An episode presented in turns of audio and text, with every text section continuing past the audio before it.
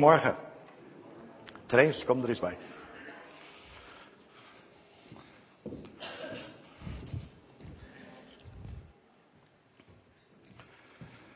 Nou, leuk bij jullie te zijn. In, uh, een tijdje geleden waren we hier ook even op een avond.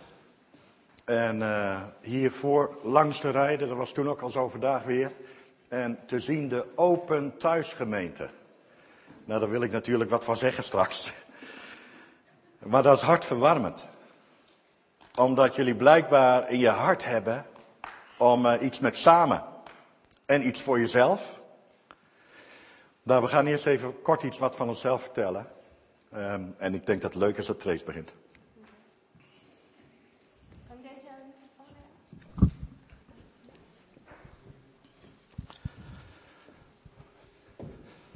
Blijf ik even hier staan. Kunnen jullie mij nog zien eigenlijk? Staat ook nergens op natuurlijk.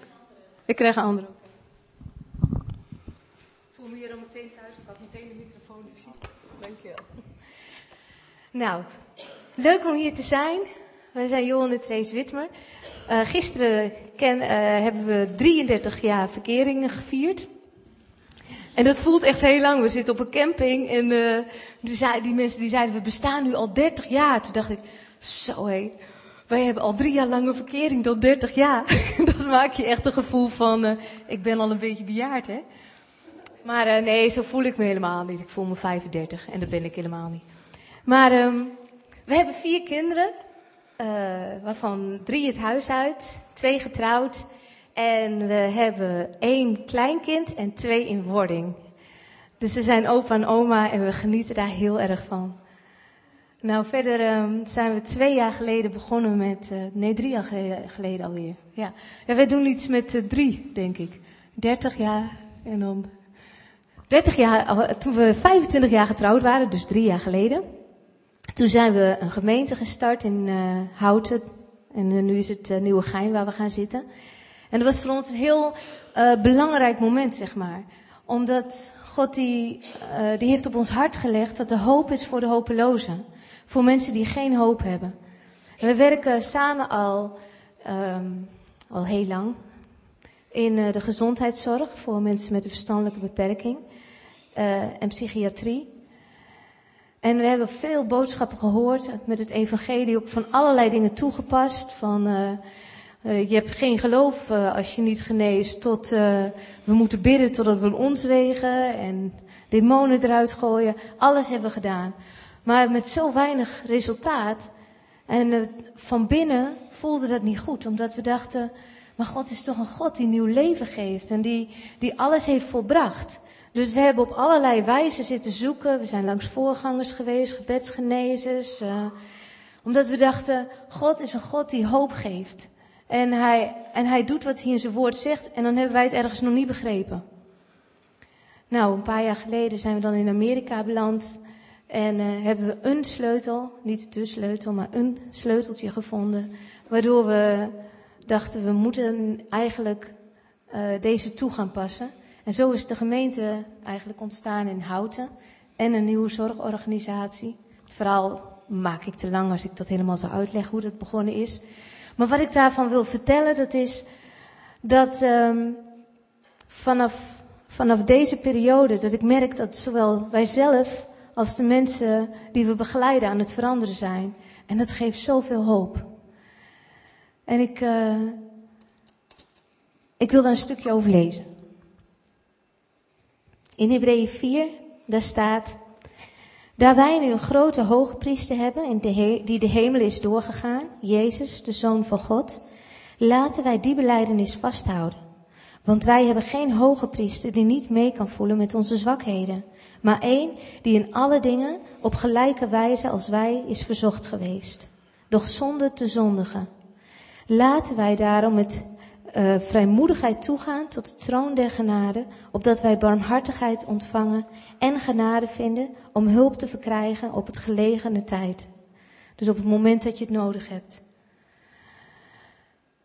En dat is een bijzondere tekst, want hier staat eigenlijk dat Jezus, die is op elke wijze als ons verzocht geweest. En hij heeft zijn goddelijkheid afgelegd en hij is mens geworden net als wij.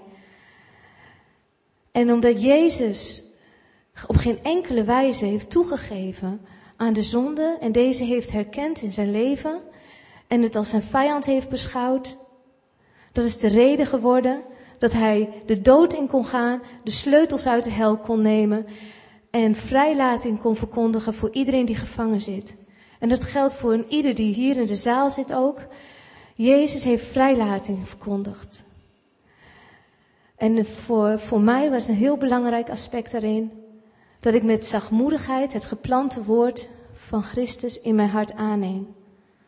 Dat ik in zijn liefde blijf en dat ik kan horen van hem, dit is de weg, wandel daarop. Dat ik van hem kan horen, hé, hey, deze gedachte die jij nu toestaat, waar je zo mee bezig bent dat je jezelf zo afvalt, die hoort niet bij jou. Dat is je vijand. En ik ga er niet langer mee samenwerken. Zo heeft Jezus ook gedaan. Hij heeft geen enkele, op geen enkele wijze Satan voet gegeven om in hem te kunnen werken, waardoor de afstand tussen hem en God kwam. Maar hij bleef bij de troon van genade. En God die verlangt ernaar dat wij in de troon van genade kunnen blijven om de stem van God te horen. En om te herkennen, als ik hierop inga, dan kan ik niet in de gehoorzaamheid van God zijn. En dat je zonder dat je jezelf helemaal afmaakt, dat je teruggaat naar de troon van genade en voor jezelf ontvangt in liefde. En Jezus heeft dat mogelijk gemaakt. En dat is een nieuwe weg voor ons geworden. Dat er geen veroordeling is in Christus Jezus. En dat Christus Jezus in ons een diep werk is begonnen. En dat Hij dat helemaal afmaakt. Nou, dat wil ik even vertellen.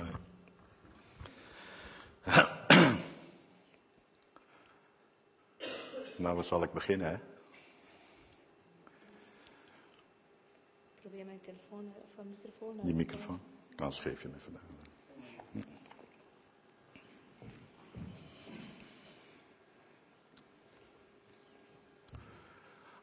Hoe lang bestaat de naam Open Thuis? Vier jaar. Vier jaar. Als je op je hart hebt om een gemeente Open Thuis te noemen, dan geeft dat zowel uitdrukking aan dat wat je verlangt in je hart, als dat het ook een profetisch woord is, wat God wil doen grondvesten. Het, ik weet niet hoe dat hier is, maar ik, praat maar gewoon al, vanuit mijn hart. Op het moment dat je zegt de gemeente is een open thuisgemeente, dan zal het zo zijn dat er ook allerlei mensen zouden kunnen rondlopen die zeggen, ik voel dat niet zo. En dat, dat heeft te maken dat God een woord in de gemeente heeft gesproken. En alles wat hij spreekt is een profetisch woord en hij roept het tot aanzijn. Zoals geschreven staat bijvoorbeeld in Romeinen dat hij het wat niet is tot aanzijn roept. Of hij doet, in andere vertaling, hij doet net alsof dat wat er niet is er toch al is. Omdat God zo overtuigd is van als hij spreekt zal het gebeuren. Nou, dat, dat jullie een verlangen hebben dat hier een open thuisgemeente is, dat betekent dat God in het hart van ieder van jullie met grote kracht wil werken, dat jij ook een bouwsteen daarin bent. Je, in de evangelische beweging kun je wel eens hebben dat, dat, uh, dat leiders het allemaal moeten doen. En als de leiders niet meer lukt, dan gaan de pastoraal werkers allemaal doen. Maar uh, het is eigenlijk de bedoeling dat wij samen al het werk doen. En dat, dat komt doordat de Heilige Geest met kracht in ons hart werkt. En wij hoeven individueel niet zelf alles te doen. Maar individueel legt God op ons hart wat wij zouden moeten doen. En als wij durven te doen en gaan doen wat God individueel op ons hart legt, dan legt God op een ander hart weer andere dingen. En zo zal de hele gemeente voorzien worden in dat wat nodig is.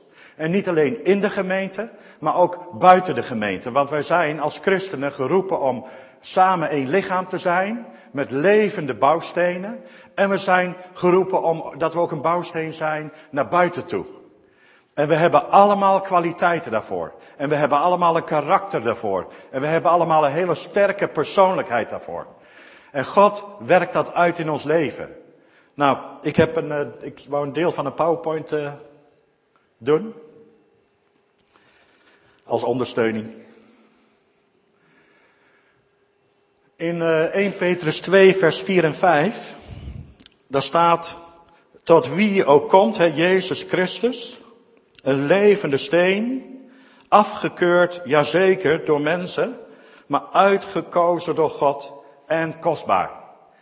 Nou, het zal niet voor iedereen hier zijn, dat weet ik niet. Maar de meesten van ons hier hebben gekozen dat Jezus Christus jouw Heer is. Dat je hebt gezien dat je nodig had, dat je een verzoening voor zonde nodig had. En dat je opnieuw geboren werd door de kracht van de Heilige Geest. En dat je een nieuwe geest hebt ontvangen. Zodat je vanaf dat moment van binnenuit kon gaan leven. En dat je leven zou ontwikkelen met God. Zo heeft hij dat bedoeld. En, uh, en daar zitten ook wel dreigingen in. Ik, ik weet bijvoorbeeld, de, toen wij, uh, we zijn dus 33 jaar bij elkaar. En uh, na een paar jaar trouwden we ook netjes. En toen waren we kringleider in een gemeente. En toen gingen we op ons brommetje, dat ging nog, we waren begin twintig, op brommetje ergens naartoe, oudere mensen. En we waren daar enthousiast, joh. En, en toen zeiden die oudere mensen, die zeiden het volgende. Ah ja, gaat wel over. Wij streepten vroeger ook in onze Bijbel. Gaat wel over. En toen dachten we, ik, ik bedoel, wij dachten heel wat van onszelf toen we twintig waren. En nu hebben we kinderen voorbij de twintig. En zelfs met twintig dacht ik nog van, ze zijn wel jong om te trouwen. Nou, toen waren wij al getrouwd. Een beetje naïef van ons allemaal. Maar toen, in die, in die, op dat moment dachten we, maar dat klopt niet. Want het, hoe, het, hoe het christenleven is, dat is, je komt tot Jezus, je ontvangt een nieuwe geest, en naarmate je ouder wordt, word je steeds vuriger en krachtiger voor God. En ondertussen rijp je ook, zodat je niet meer heen en weer geslingerd hoeft te worden door allerlei, wat Paulus zegt, wind van leren, dingen die gebeuren. Je wordt ook stabieler. Maar je stabiliteit is niet een soort burgerlijkheid. He, dat je, je stabiliteit, je, je, ik hou wel van de vergelijking, uh, dan word je verliefd, heb je een partner en zo. En dan op een bepaald moment zeggen, ja, de verliefdheid gaat over, nou is het liefde. En als je dan, wat, wat is dan die liefde? Ja, dat je avond aan avond op, samen op die bank zit, nog even vraagt of je een kopje koffie wil, je gaat naar bed, je geeft een zoen klaar. Maar wat eigenlijk liefde is, is, is helemaal vlak geworden. Maar dat is niet de bedoeling van Jezus Christus voor ons leven. De bedoeling van Jezus Christus voor ons leven is dat we een opgaande weg hebben, dwars door van alles wat in het leven heen gebeurt. En daar hebben wij elkaar enorm hard voor nodig. Want wij samen zijn bedoeld om zo liefde te geven aan elkaar, dat er in de gemeente, dat er in de open thuisgemeente een kracht van God is, omdat mensen van elkaar houden, zodat die mensen die ergens doorheen moeten, en dat zijn wij allemaal van tijd tot tijd, dat wij een fundament hebben, gerust in elkaar, zodat wij plat op ons aangezicht voor God terechtkomen, dat er uiteindelijk niemand is tussen ons en God, en dat we zeggen, Heere God, ik geef me aan u over. Ik heb mij verbaasd dat wij zingen, ik weet niet wat jullie allemaal zingen hier, vanmorgen een beetje meegemaakt, maar wij zingen veel liederen, ik, Heer, ik geef me aan u volkomen of zo. Heb je ook wel opgemerkt dat je dat lied wel, wel honderd keer in je leven kan zingen? En dat dat ook telkens over iets anders kan gaan. Of soms weer over hetzelfde wat je doormaakt. Ik heb nog geen mens ontmoet, misschien zit hij hier, die toen die zei, Heer, ik geef me u volkomen, volkomen zijn leven overgaf aan God en geen issues meer had de rest van zijn leven in die overgave. Ik heb alleen nog maar mensen ontmoet, net als ik, die bij herhaling of bij verdieping ons leven overgaven aan God. Nou, hier staat in Petrus, je bent tot Christus gekomen, maar jullie ook. Je bent een levende steen, opgebouwd tot een geestelijk huis, een heilige priesterschap om te offeren, geestelijke offers, aanvaardbaar voor God door Jezus Christus. Dat dat een geestelijk offer is, dat maakt het aanvaardbaar voor God. Kun je lezen in Romeinen 8. Wat uit het vlees is, vindt God niet leuk. Heeft hij geen lol aan. Maar wat uit de geest is, wat uit de Heilige Geest is, dat, daar heeft hij een welgevallen aan. Dat vindt hij leuk. Dat vindt hij fijn ruiken. Nou is, nou is de vraag, wat zijn nou geestelijke offers? Wat, wat is nou voor jou, wat is nou voor mij een geestelijk offer?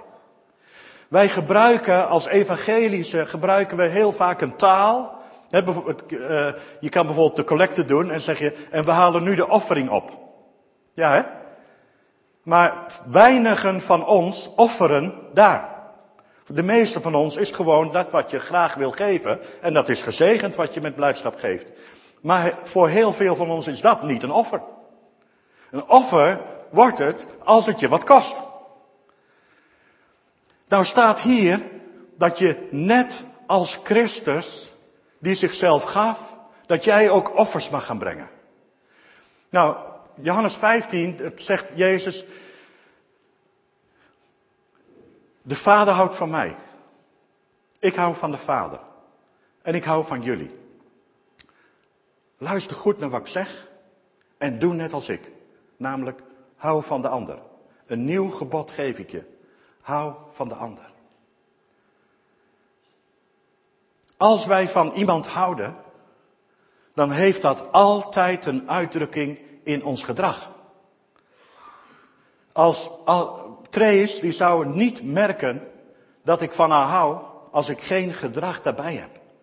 Als ik geen, geen daad, geen blik, geen woord, als ik dat niet doe, merkt zij niet dat ik van haar hou. Wat de bedoeling is, is toen dat Jezus die gaf zijn leven, hij gaf het over. En dat kon hij doen, staat in Hebreeën, door de eeuwige geest, door de heilige geest. Hij kon zich smetteloos geven, omdat hij geïnspireerd was door de kracht van de heilige geest. Zo is het ook met ons. Dat wij ons kunnen geven, dat wij kunnen offeren door de heilige geest. Niet door dwang, niet omdat de voorganger zegt, jongens, we gaan nu dit doen, hup, ga het doen. Nou, sommigen voelen dat heel vrij en anderen zullen voelen, ja, ik moet dat nu doen. Maar de dwang, als je dingen doet uit dwang van een ander, of dingen uit dwang vanuit je eigen hart, dan is dat niet een geestelijk offer. Dan is dat, de Bijbel noemt dat een vleeselijk offer. En dat brengt niet een vrucht voort die jij graag wil. Maar van elkaar houden als geestelijk offer, ja, wat zou dat nou zijn?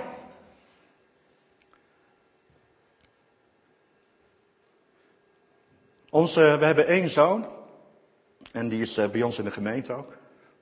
En die stelt altijd vragen. Die zegt altijd, ja maar wat betekent dat dan? En wat kan ik nou praktisch met jouw preek? En allemaal dat soort dingen zegt hij. En af en toe zit ik te zweet, denk ja.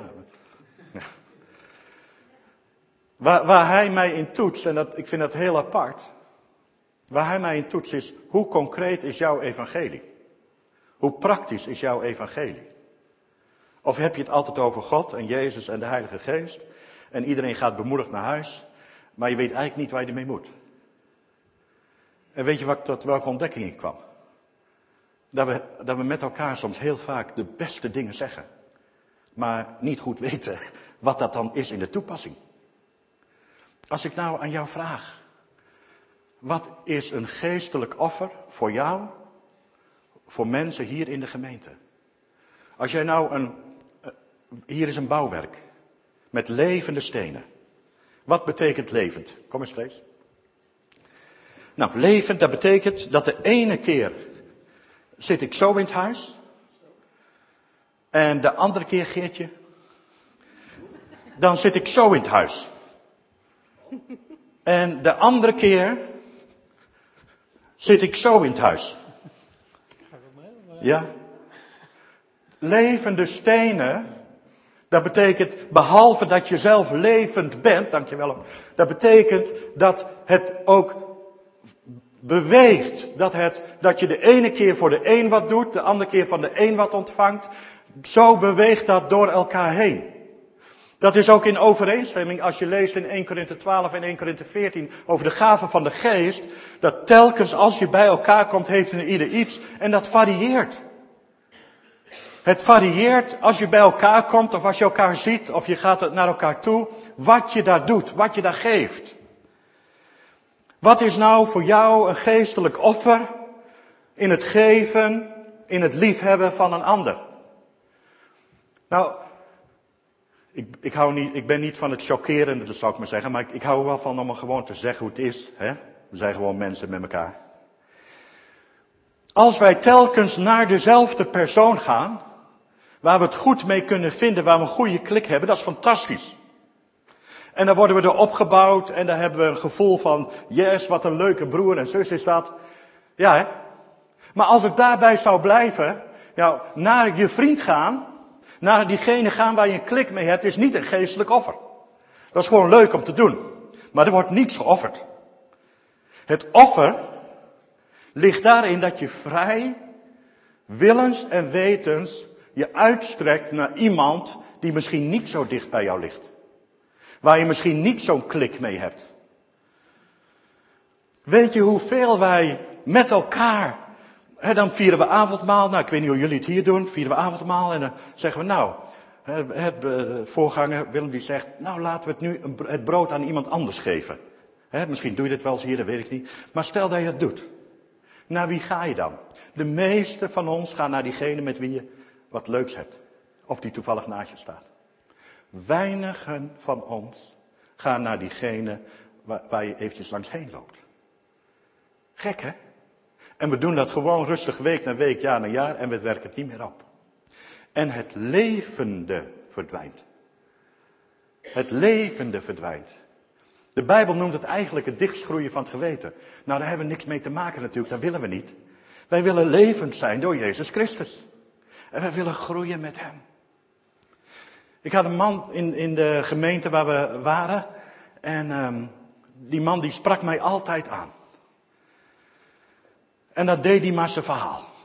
Dus dan, dan had ik bijvoorbeeld gesproken, of ik, ik zat daarvoor, we waren ook leider in die gemeente. En, en dan stond hij daar al, zag ik hem al in de hoek, weet je wel. En dan moest je echt zo gaan om hem niet tegen te komen. En dan had je nog kans dat hij eventjes, en dan begon hij weer. Hetzelfde riedeltje. Was geen lol aan. Omdat hij altijd hetzelfde vertelde, was geen lol aan. Maar ik ging hem ontwijken. Had ik een hekel aan hem? Nee.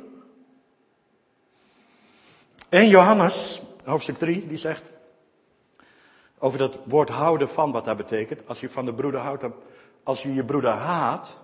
Als je dat woordje opzoekt, dat betekent steeds minder houden van. Weet je, je kan die Bijbeltekst lezen, maar wie zijn broeder haat? Ja, ik haat geen broeder hier, ik heb geen gevoelens van haat, ik ga niemand ombrengen, ik haat niemand.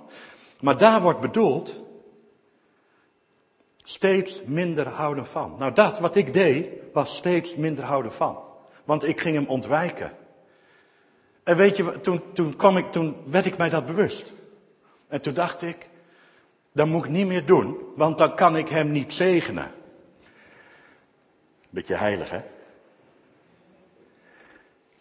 En toen stopte ik daarmee en toen, ik ging daar gewoon op af. En weet je wat gebeurde? Hij zegende mij. Hij zei dingen tegen mij over mij. En ik had het helemaal buitengesloten door mijn manier van doen.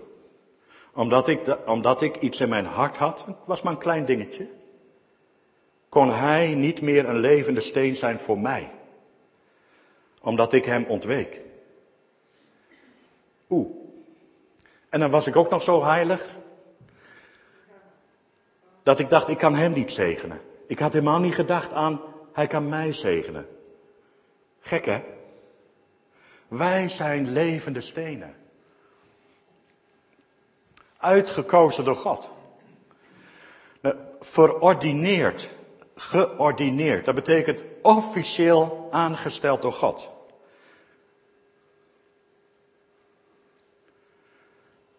Nou, ik weet niet hoe het bij jou zit. Als ik zeg, hé, hey, jullie zijn priester. Ja, moet je, op school doen. Weet je Hi, ik ben priester. Dat, dat scoort niet. Nee toch? Dat, dat hele woord priester, dat sluit niet aan bij onze leefwereld. Maar ook, eh, al, al ben je 50 of 60 en je gaat naar je buurvrouw en je zegt, hi, ik ben een priester. Priesters hebben ze in de Satanskerk of in culten en sectes en zo, weet wel. Maar wij zijn ook priesters. Elke dag. Wij zijn permanent aangesteld als priester. Nou, ik heb gezocht naar de kast met de priesterkleding, maar die hadden jullie niet, zag ik. Gek? Dit hele woord priester, dat, dat, dat past niet in onze cultuur. Maar we zijn het wel. We zijn het wel. Wij zijn wel officieel uitgekozen door God. Hij, hij heeft als ware tegen jou gezegd, hey, jij, ik heb jou uitgekozen. Jij hebt niet mij uitgekozen, ik heb jou uitgekozen. Ik heb je uitgekozen dat je op weg zou gaan en heel veel vrucht zou dragen. En dat zou je doen door te laten zien hoeveel je van mensen houdt. En dat heet priesterschap. En dat priesterschap, dat is maandag en dinsdag en woensdag en donderdag. Was in het Oude Testament ook al zo. Ik zat even naar de band te kijken. Ik dacht, stel nou dat je 24 uur lofprijzing wil hebben. He, hier. Zeven dagen in de week. En dan zou je zeggen, wat is jouw baan? Ja, mijn baan is, uh, ik doe acht uur lofprijzing per dag. Ik hoor de kritiek al. Ja, dat is geen werk. Dat is een beetje gewoon op die gitaar lopen te pielen, ja. Gek, hè? In, in, in het Oude Testament was, het, was er een priesterschap aangesteld om God de hele dag te prijzen. Zie je weer hoe onze culturele, hoe onze maatschappelijke norm, hoe wij vandaag doen in deze wereld, in deze stad, hoe dat een beetje afwijkt van hoe God dat heeft bedoeld. Gekke. En heel vaak hebben we het niet door. Heel vaak hebben we niet door dat we verburgerlijk zijn. Dat we gewoon maar leven, hartstikke opnieuw geboren. Misschien spreek je in tongen en je kan profiteren. En je bent geest vervuld. En... Maar je bent verburgerlijkt. Ik denk daar veel over na. We, zijn nu, uh, ik kom uit, mijn vader was voorganger van de evangelische gemeente. Dus ik, en ik ben nu 49, dus bij wijze van spreken ben ik 49 jaar lang uh, in het evangelie, om maar zo te zeggen. En, uh, en ik ben veel kwijtgeraakt in die jaren.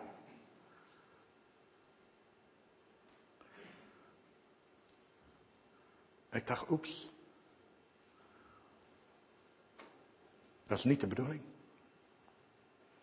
En wij praten daar veel over. Hoe is het dan om een levende bouwsteen te zijn? Hoe ben ik een levende bouwsteen? Wat merkt een ander van mij als levende bouwsteen? In een gemeente kun je tegelijkertijd huilen en lachen.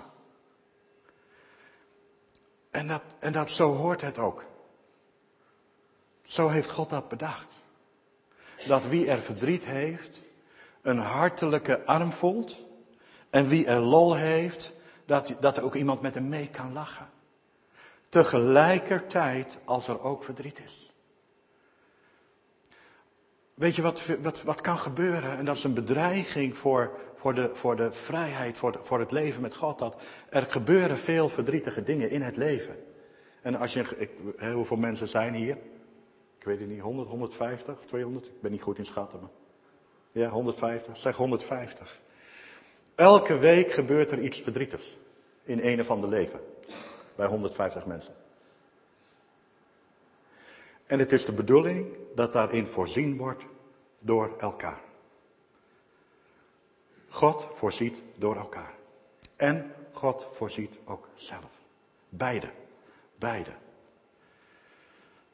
Maar God voorziet niet alleen in zichzelf. Hij voorziet ook door elkaar. Maar in diezelfde week is er ook iemand die iets leuks meemaakt. En die heeft nodig dat iemand met hem kan lachen. Anders wordt het rustig en vlak. Ken je dat? Want je durft niet meer. Maar als wij in die levende stenen, als wij ons laten leiden door de Heilige Geest, dan kunnen wij huilen met de een en lachen met de ander. Dan gaat de een schrijft een kaartje hier, De ander doet een telefoontje daar naartoe. De ander geeft een huk aan die. En dan wordt er voorzien in wat nodig is. Maar u, laat u ook zelf gebruiken als levende stenen voor het brengen van geestelijke offers. Wat is jouw geestelijke offer? Wat, wat is zo door een week heen, wat, wat zijn je geestelijke offers? Wat zijn de dingen die jij vrijwillig aan God geeft, omdat jouw hart daartoe dringt? Wat is dat?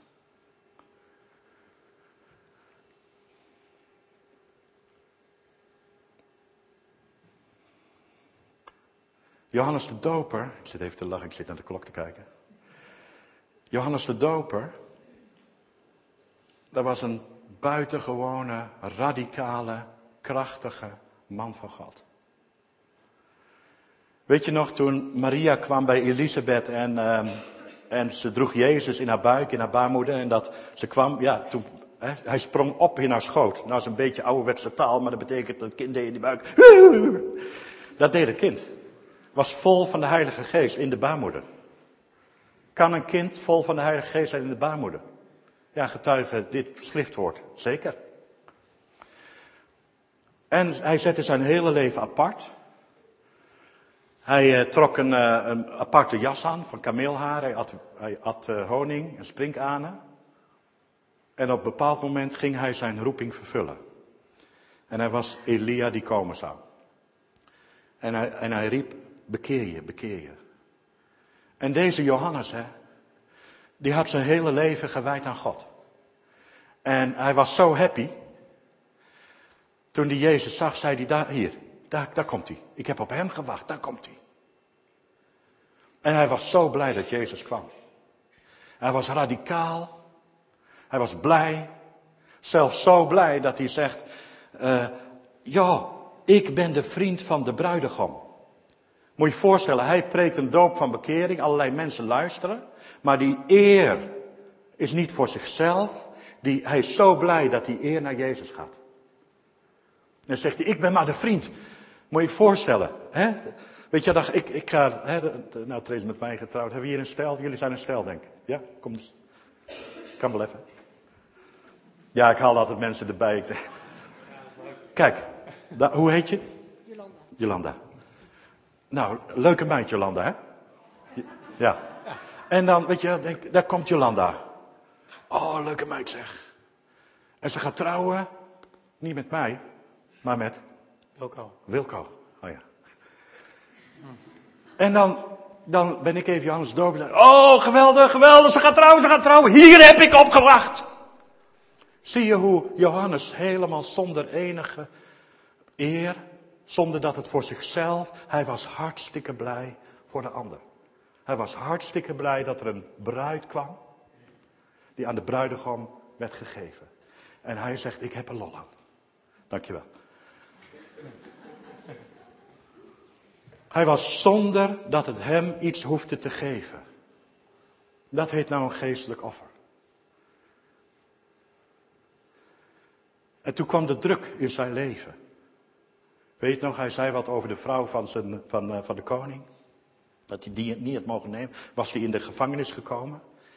En op bepaald, als je wil kun je die opschrijven, ik ga het niet doornemen. Dan zie je dat hij begint te twijfelen over wie Jezus is. Dan zegt hij, stuurt hij een paar discipelen, zegt hij, bent u het nou die wij hadden te verwachten of is er nog iemand anders? Hij is kwijtgeraakt. Hij is het kwijtgeraakt. In de druk van het leven, in, en die gevangenis was gewoon echt niet zo'n lolletje, maar in de druk van het leven is hij gaan twijfelen. Bent u het echt wel? In, um, toen Therese en ik tot leven kwamen, begin twintig, toen ongeveer op mijn 27e jaar, toen kwam er een stem in mij en die zei, nu moet jij jezelf gaan zoeken. En ik had een jaar of zes, zeven geleefd met Christus is voldoende en toen ging ik mijzelf zoeken. Wat dat ook maar betekende. Maar de, de vrucht daarvan was dat mijn huwelijk naar de knoppen ging, dat de gemeente enorm in tumult kwam, dat mijn kinderen en mijn werk, alles, alles ging. Waarom? Omdat ik mezelf ging zoeken. Dramatisch. Dramatisch voor Trace, voor de kinderen, voor de gemeente, voor mijn werk, voor mijzelf. Door één stem die kwam, ga jezelf zoeken. Christus was niet meer voldoende. Weet je dat ik nou, ik had nooit gedacht dat ik op dat punt zou komen. En toen het kwam, herkende ik het ook niet. Dat heeft in vrucht dragen heel veel jaar gekost. Het heeft heel veel jaar gekost dat ik geen vrucht heb gedragen. Of heel weinig vrucht heb gedragen. Christus heeft het vergeven. Wow. Ja, ja. En Johannes was daar. En dan, dan stuurt Johannes de discipelen. En zegt hij, die discipelen zeggen, ja, wat, uh, hoe zit het? Ben je het nou of ben je het niet? En dan zegt Jezus iets heel pittigs hoor. Dan zegt hij, joh, kijk even wat er gebeurt. En zalig is die aan mij geen aanstoot neemt. Auw. Jezus zegt eigenlijk, Johannes, je moet geen aanstoot nemen aan mij. Maar Johannes was, hij was onder de profeten de grootste profeet. Maar de minst in het koninkrijk van God was meer dan hem. Maar hij was, hij was fantastisch. Had zijn leven gegeven, had vele jaren vrucht gedragen. Maar hij kwam op een punt in zijn leven dat hij niet meer, eerst kwam twijfel. En toen twijfel kwam, kwam aanstoot. Nou, ik ken het rijtje hoor. In mijn, uit mijn leven. Waar het toe leidt, is dat je niet meer die levende steen bent. Je bent nog hartstikke opnieuw geboren. Maar je bent niet meer die levende steen. En Jezus zegt eigenlijk tegen hem, bekeer je van je aanstoot. Aanstoot is soms wat moeilijk te herkennen bij onszelf. Omdat we heel gauw niet ten opzichte van Jezus aanstoot voelen, maar ten opzichte van elkaar. Als er aanstoot in ons hart komt ten opzichte van elkaar, is er volgens de Bijbel ook aanstoot ten opzichte van God. Omdat God dat niet scheidt.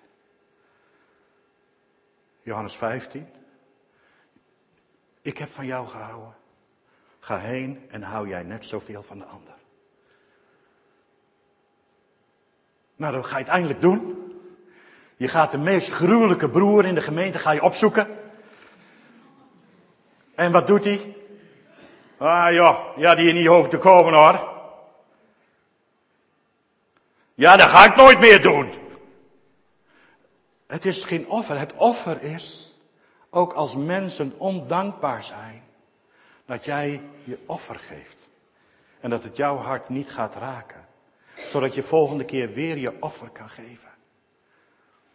Dit is hoe God verlangt dat wij zijn in de gemeente en naar buiten.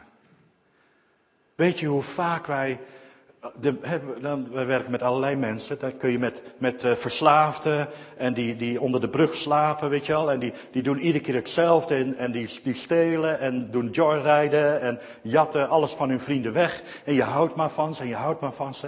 En dan komen ze in de gemeente en dan doen ze het niet precies zoals je het christelijke leven het voorschrijft. In één keer is die liefde zo boekeld. Ken je dat? Want dan moet je je in één keer goed gedragen. Maar wij allen hebben nodig dat wij van gehouden worden. En wat jullie betreft, de open thuisgemeente, het raakt mijn hart.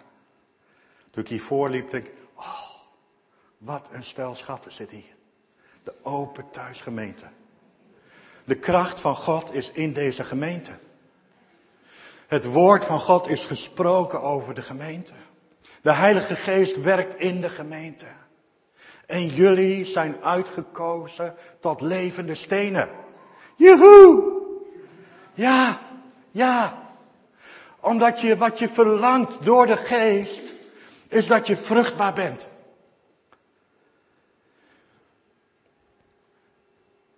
In het Oude Testament zegt God, hou van mij met geheel je hart, geheel je ziel, al je kracht en je verstand. In het Nieuwe Testament dienen wij nog steeds God met al onze kracht, onze ziel, ons hart en ons verstand. Soms maken wij een nieuw evangelie. Dan zeggen we bijvoorbeeld, je moet je verstand, je moet je gevoel laten leiden door je verstand. Maar dat staat niet in de Bijbel. In de Bijbel staat, dien de Heer je God met je hart, je ziel, je kracht en je verstand. Alles. Je mag al je verstand gebruiken voor God. Je mag heel je hart gebruiken voor God. Heel je ziel. Al je kracht. Zo ben jij gemaakt. Jij bent uitgekozen voor God. En door God. Om in deze gemeente en hier buiten veel vrucht te dragen. Ik wil aan je vragen. Zoek daarnaar. Bid God daarvoor. Hoe jij vandaag een appel kan zijn. Een peer, een banaan. Een kiwi. Hoe smaak jij vandaag? Voor een ander. Hoe smaak je morgen? En weet je wat er gebeurt in dit, dit is maar een heel eenvoudig gebed. Het is een gebed wat je ook dagelijks mag doen. In Korinthe 14 zegt, eh, omdat je streeft naar de gave van de geest. Dat betekent dat er, dat er is aandacht voor je. Er is aandacht elke dag. Hoe kan ik vandaag tot zegen zijn? Als, als je dat gaat doen, individueel en gezamenlijk, dan wordt dat profetische woord wat God over de Open Thuisgemeente heeft gesproken, dat komt volledig zichtbaar. Ik weet niet of jullie zitten op 100%, op 90%, op 80%, op 70%. Ik weet dat niet. En dit is ook hoe ik praat is naar de mens. Hè? God denkt niet zo. Dit is gewoon hoe ik als mens praat. Maar één ding weet ik wel. Bij God is geen einde. Waar ik ben vandaag, vandaag kan ik tot een zegen zijn. En dat is nodig en heel gezond. Als ik iedere aanstoot eruit zet.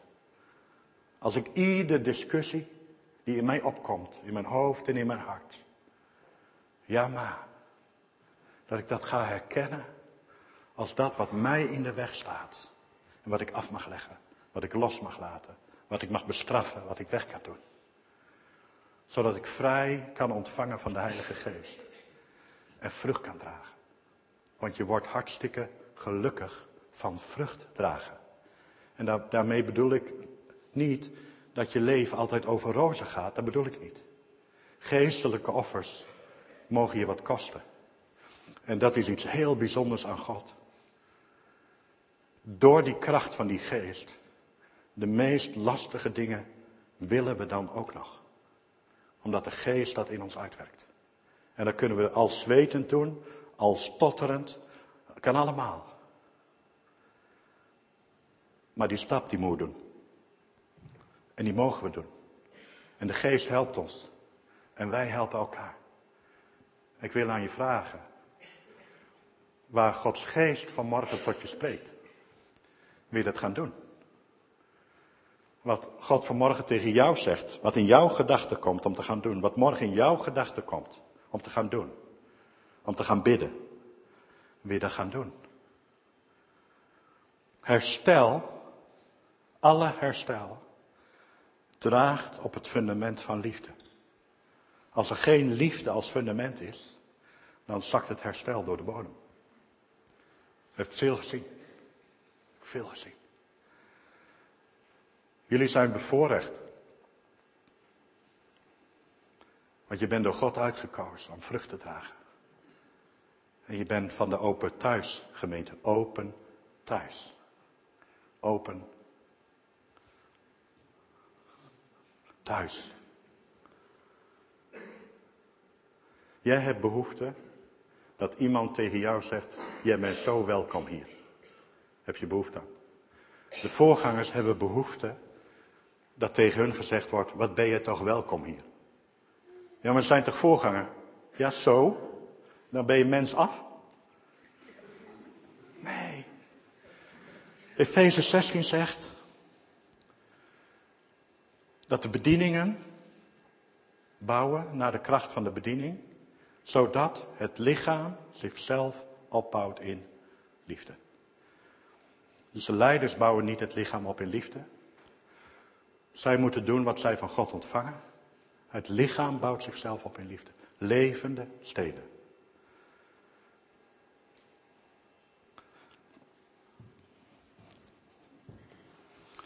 Ik wil gaan bidden voor jullie. Is dat goed?